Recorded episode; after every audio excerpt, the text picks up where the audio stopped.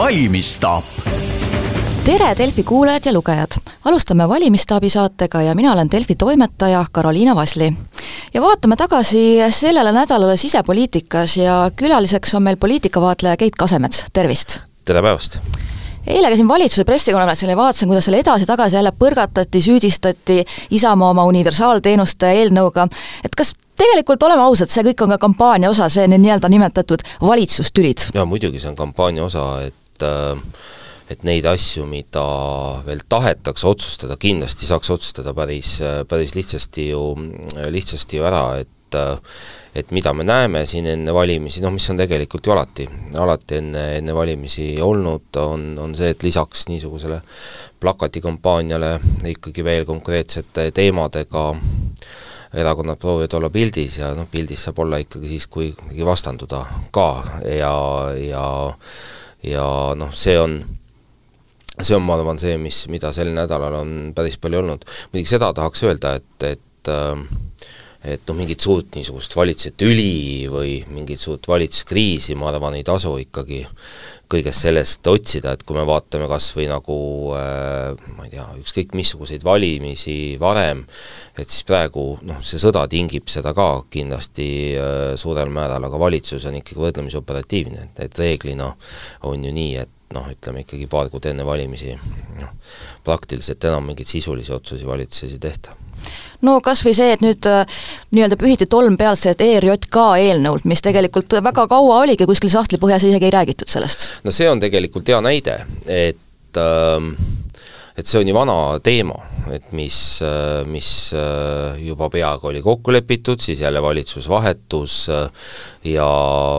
ja noh, siin ma ütlen samamoodi, et kui see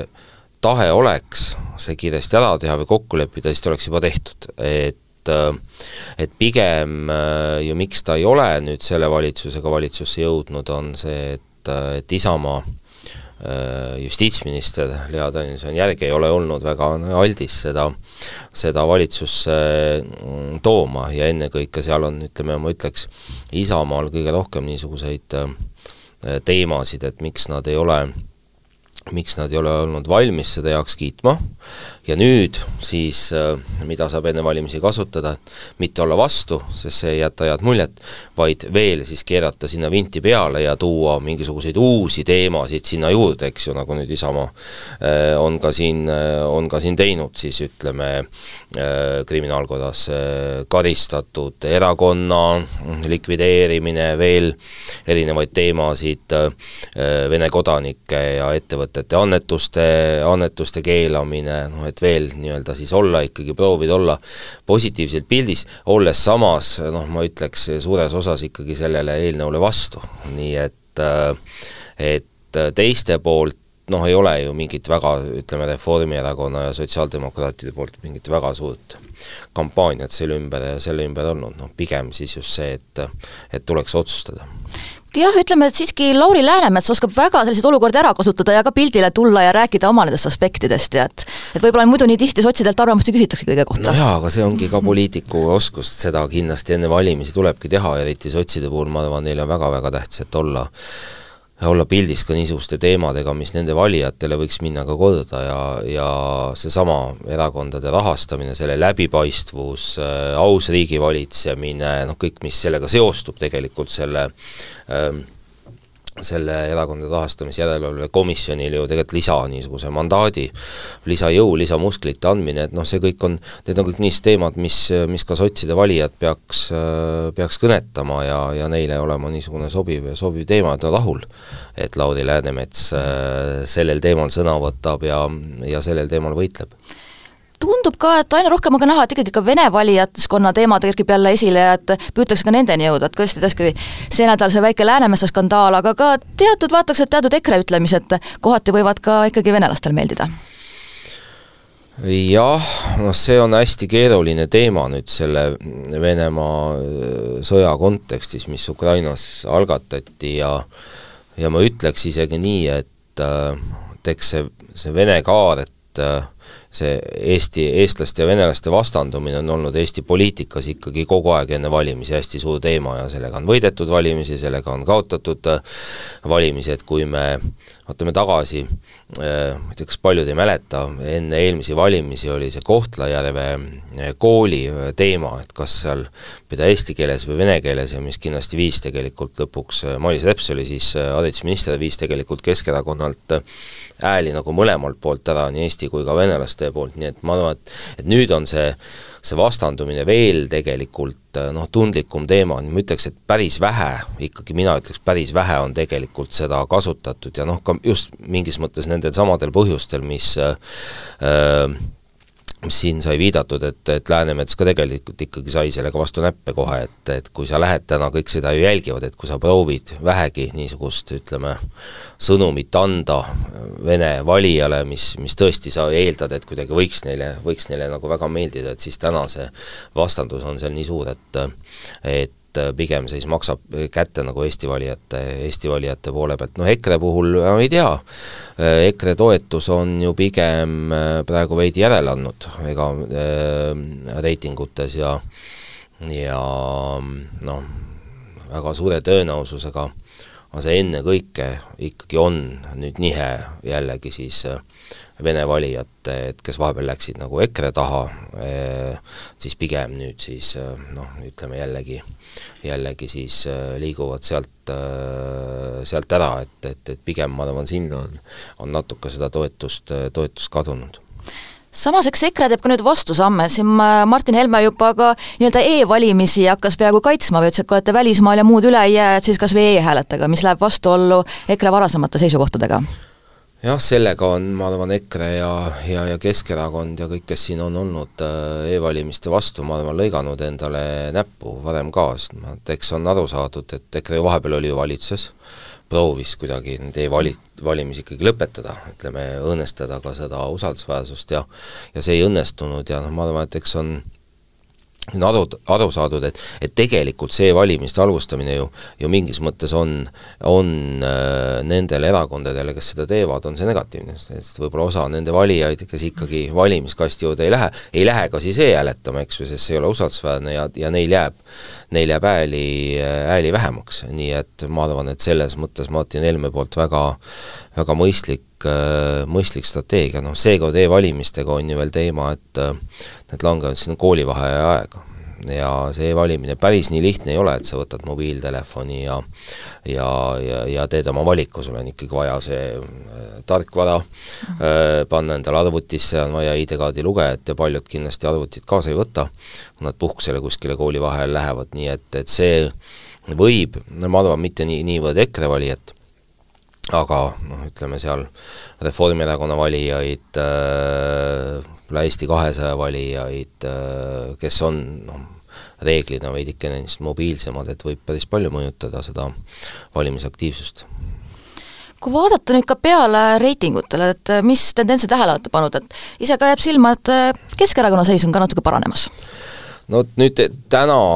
vist jah, tuli siis see esimene niisugune ähm, nimekirjadega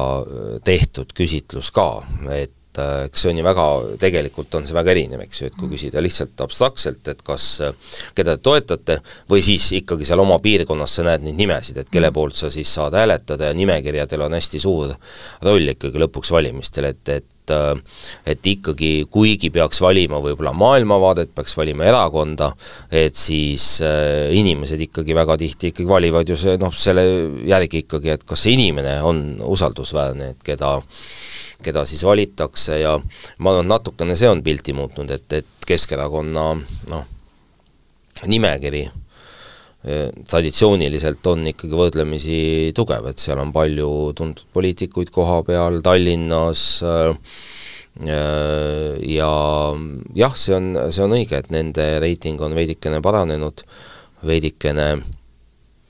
EKRE reiting on, on kahanenud, et ma arvan, sellest veel täna mingisuguseid suuri suuri järeldusi on, on vara taha, et see ei ole kindlasti nii, et et noh, nüüd on liigutud automaatselt nagu ühe erakonna tagant teise taha, et, et reeglina see ikkagi käib, käib niimoodi, et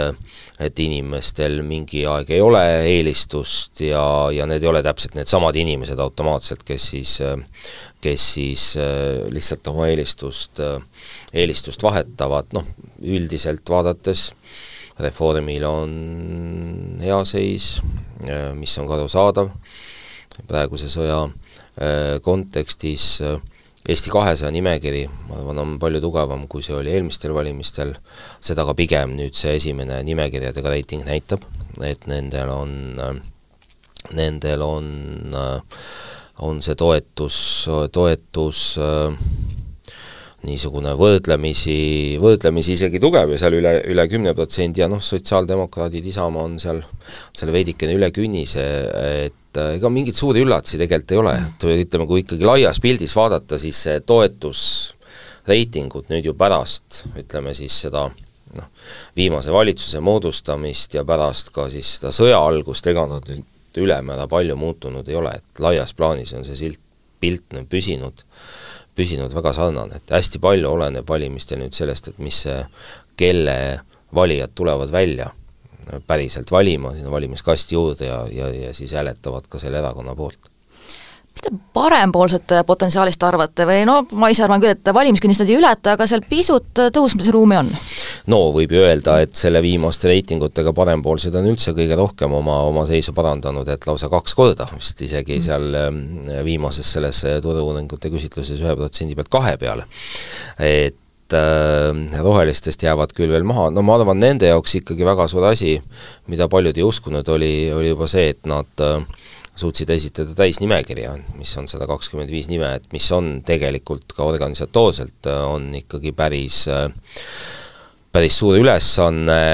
nad on sellel nädalal ka niisuguseid väikesi Äh, ka märgatavaid äh, nagu positiivseid äh, samme astunud, et noh, mis nendele ju teeb elu väga raskeks, on see, et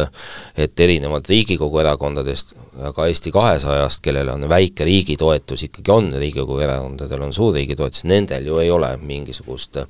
riigi toetust, nad peavad oma kampaaniat rahastama siis ikkagi ainult annetustest ja ja noh, sellel nädalal nad tegelikult said ette näidata noh, päris mitmete tuntud inimeste niisugused annetused, kes olid ka avalikult valmis ütlema, et nad nad on parempoolsetele raha andnud, mis mõttes toetavad seda maailmavaadet, toetavad seda erakonda ja ja ja noh, teatud mõttes nad võivad vaadata positiivselt äh, seda järgmise, järgmise kuule otsa, kuigi künnist ületada muidugi neil on äh, äärmiselt äh, keeruline aga jah, mainekujunduslikult kindlasti märgiline, mitte summa poolest, aga just maine oli Kersti Kaljulaidi väljastumine. jaa, ja sellele see ka jõudis päris palju pilti, et äh, et see ei olnud ju lihtsalt nii, et nad tegid, tegid äh, väikese niisuguse pressiteate või postituse ja kogu lugu, vaid ikkagi meedia küsis siis ka kõikidelt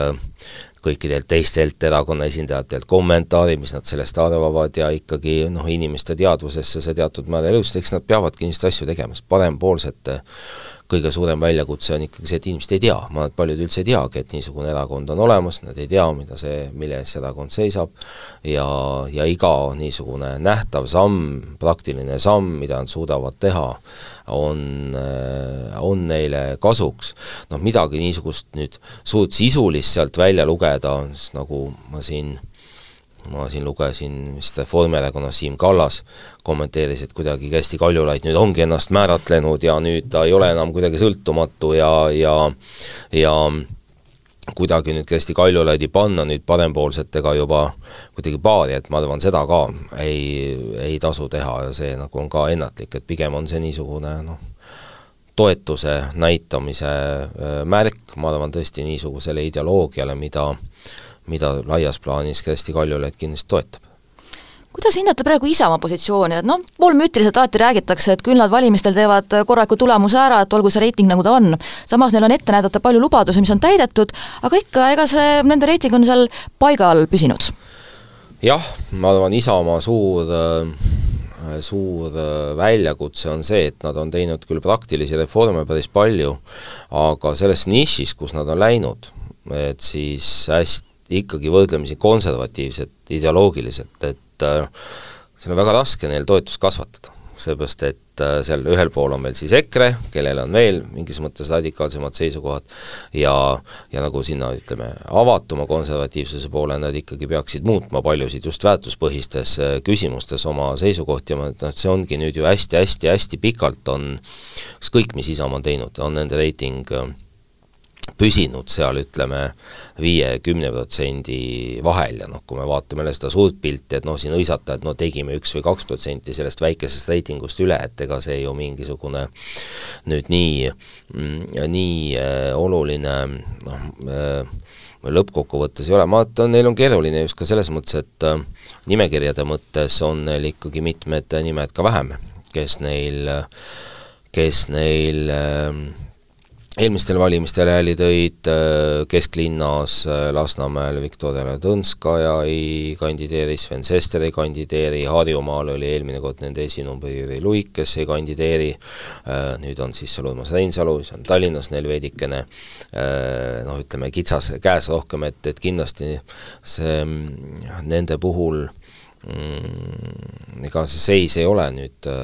ei ole neil ülemäära, ülemäära hea no muidugi natuke on aega minna, et eks ka meedias ja ajakirjanikud omavahel on ka rääkinud, et kampaania algus oli kuidagi selline väga rahulik, aga ega tundub ka, et tegelikult kuna nüüd ju reklaame võib ka teha ju põhimõtteliselt äh, lõpuni välja, et et võib-olla ajastatakse ka selliseid lõpuspurte? ja kindlasti kampaaniat on ajastatud nagu palju äh, valimistele lähemale, see on seotud loomulikult nende reeglite äh, muutusega, noh ma arvan, et ongi mõistlik ja praktiline, et ega siis lõppkokkuvõttes sinna mingit pausi vahele jätta, et noh, mida see siis välikampaaniat mitte teha, et et mida see siis nii palju juurde andis, et et noh, see kampaania on ikkagi hoopis teistsugune, selles mõttes, et sõda, sõda, sõja kontekst ikkagi nii palju seda mõjutab, mingis mõttes jõujooned on välja kujunenud, mingitel teemadel neid vastandusi ei ole, mis võiks olla, ja võib-olla mis just opositsiooni, tänase opositsiooni poole pealt äh, on äh, veidikene hoiab ka tagasi, on see, et see majanduse olukord ei ole nii halb, kui kindlasti noh, paljud opositsioonis olles nagu lootsid, mis oleks kampaaniale palju äh, juurde andnud, hinnatõus on väga suur, aga noh, üldiselt siiski tööturul olukord on veel võrdlemisi okei. Okay,, majanduses nii suuri probleeme ei ole, et ei ole ka otseselt noh, nii palju võtta neid teemasid, et millest tegelikult siis, millest tegelikult neid äh, suuri teemasid üles võtta, et äh, ja ka niisuguseid suuri väärtuspõhiseid teemasid, et mis ju tegelikult eelmiste valimiste noh, väga paljuski tulemust ka määrasid, ka need nüüd selle tänase niisuguse sõjaolukorras ei pääse ka eriti, eriti maksvusele, et ma seda ei usu, et nüüd midagi, ma eks see kampaania umbes niisugune saabki olema, et seda, et nüüd midagi radikaalselt muutub või tuleb kuskilt mingisugune radikaalne uus teema, et see saab tulla siis mitte planeeritult, vaid, vaid pigem lihtsalt nii, et no midagi juhtub, mida me täna ei tea veel. ja, ja, ja siis see võib seda kampaania käiku muuta. aga muidu ma arvan, laias pildis on ikkagi ju need sõnumid paigas ja eks ta nüüd niimoodi siin, siin kuu aega, kuu aega siis äh, neid me, neid reklaame kuuleme ja näeme. ja suuremat maksudebatti ei ole ka kerkinud? jah, see oleks võinud olla ka üks suur teema, et ähm, no erakonna programmides siiski maksud nagu on vähemalt seekord teema, et et varem on see olnud nagu päris paljudel kordadel praktiliselt ei ole olnud, ei ole olnud mitte midagi. et, et see on jah, veidikene ka nende valimiste niisugune äh, Äh, spetsiifikat, hästi palju lubatakse uusi kulutusi, noh lubatakse, et noh, saame seda, saab rohkem pensioni, rohkem paremat tervishoidu, paremat hoolekannet, rohkem toetusi, äh, maksuvabastusi laste pealt ja nii edasi ja niisugust äh, rohkem põhimõttelist arutelu, et kuidas siis seda finantseerida või, või, või kus tegelikult siis, kus siis tegelikult riigieelarvet millega täita, et, et seda on tõesti vähem, vähem täna. No ega see on ka niisugune teema, mis ei too eeldatavalt ikkagi niisugust suurt vastandamist hästi ei võimalda. Ja, ja väga palju hääli, väga palju hääli ei too, et laias pildis on ju nii, et ikkagi Reformierakond selgelt panustab julgeoleku teemale, EKRE ja Keskerakond, opositsioonierakonnad panustavad siis sellele nii-öelda inimeste paremale hakkamasaamisele, EKRE-l on muidugi oma teemad seal veel lisaks, eks ju, immigratsioonile, ka neid väärtuspõhised, väärtuspõhised teemad, sotsid ka proovivad enam-vähem see, nagu selles, selles äh, äh, pildis, pildis olla ja siis on, mis meil Isamaa on pigem niisuguse ideoloogilise programmiga, aga lubab erinevaid, erinevaid toetusi Eesti kakssada lubab lihtsalt teha paremini, kui, kui plaan. täna kõik on, kõik on teinud, noh, pikas plaanis nüüd on vist niivõrd nendes reklaamides ei räägigi, et ma saan aru, et see sõnum on nagu see, et et et kui täna otse ei tehta, et siis Eesti kakssada on see, kes tuleb ja teeb ikkagi otsuseid, et, et, et Eesti kahesajaga on võimalik Eestit rohkem muuta kui kui, kui praeguste erakondadega, eks see väljakutse selle sõnumi puhul on see, et see peab olema ka kuidagi siis usaldusväärne, eks, et inimesed peavad uskuma seda, et see tõesti niimoodi peaks olema või saaks olla. Aga kohati tundub, ega nende lubadustega selline arvutamisel on käega löödud, et kas või see, et lubatakse osaliselt siin kodulaenu kinni maksta, mida on Isamaa ja EKRE rääkinud, et no see on muidugi alati olnud valimisprogrammide puhul niimoodi, et aga seda, sellele ma viitsin ka, et eks see on natukene, ongi niisugune noh, kahetsusväärne või veidikene vastutustundetu, et et reeglina on ju nii, et kui siis äh, valimist läbi on, hakatakse moodustama koalitsiooni, et siis hakatakse arvutama täpselt neid läbi ja Rahandusministeerium tavaliselt ka erakondi selles aitab ja no eks siis selgubki, et et raha kõikide nende, nende ilusate lubaduste tegemiseks ei ole. Ja, ja siis tulebki neid valikuid hakata tegema, et mida siis on võimalik ellu viia ja mida mitte, et noh, nende valimiste spetsiifika on jälle see, et et palju on valitsuse vahetusi olnud siin valimiste vahelisel ajal, et meil on ju tegelikult olnud kolm erinevat Äh, valitsuskoalitsiooni ja iga selle koalitsiooniga loomulikult tuleb uus valitsus, jällegi tulevad uued lubadused, uued kulud ja tegelikult see kulutase on kogu aeg, kogu aeg kasvanud, et noh, nüüd nendes tingimustes siis siis äh, järgmise valitsuse programmi kokku panna olukorras, kus majandusel läheb mitte nii hästi, ja inflatsioon ka kindlasti alaneb, maksulaekumisi päris nii palju ei saa olema, samas on lubatud hästi palju nii-öelda uusi toetusi ja soodustusi, et see kindlasti ei saa olema lihtne lõpetuseks veel küsiks, et võimalike siis uute koalitsioonide osas on ka neid, kes räägivad, et jah, et kas ühel pool Reformierakonna valitsus või EKRE või tegelikult neid kombinatsioone võib ikkagi päris palju olla, et midagi ei ole kivisse raiutud? Neid kombinatsioone on tegelikult rohkem jaa, kindlasti, aga samas äh, ma arvan, see muutis siiski väga palju just nagu poliitikute mõtlemises, ühiskondlikus mõtlemises, siis Jüri Ratase otsus äh, EKRE valitsusse võtta ja Isamaaga see valitsus teha, et äh, et mida võib-olla on näha just ka praegu veel enne, enne valimisi, on see, et veel proovitakse teha mingeid otsusi, sest kuklas ikkagi kogu aeg on see, et, et noh, kui nüüd vaadata ka neid toetusprotsente, et siis eks ta ongi niisugune viiskümmend, viiskümmend, et kas on võimalik siis seda vana valitsust uuesti teha või, või mitte. Ja, ja kindlasti see niisugune teatud, teatud hirm ja kartus on, aga no mis on erinev, eks ju, on, on see, et meil peaks olema siis üks erakond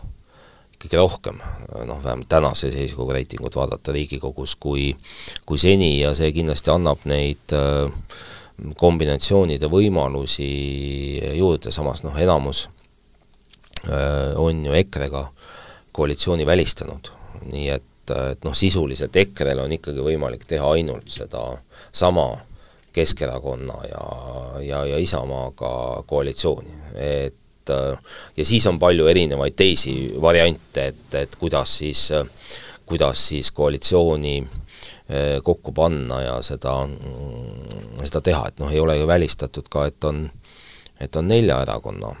koalitsioon, lõpuni välistatud ei ole, et oleneb valimistulemusest ja oleneb ka sellest, et et noh, kui palju siis neid Reformierakonna mandaate lõpuks, lõpuks on. Ennustamine on tänamatu töö, eks me näeme siis märtsi alguses, kuidas seis on. Ja suur aitäh tulemast! aitäh!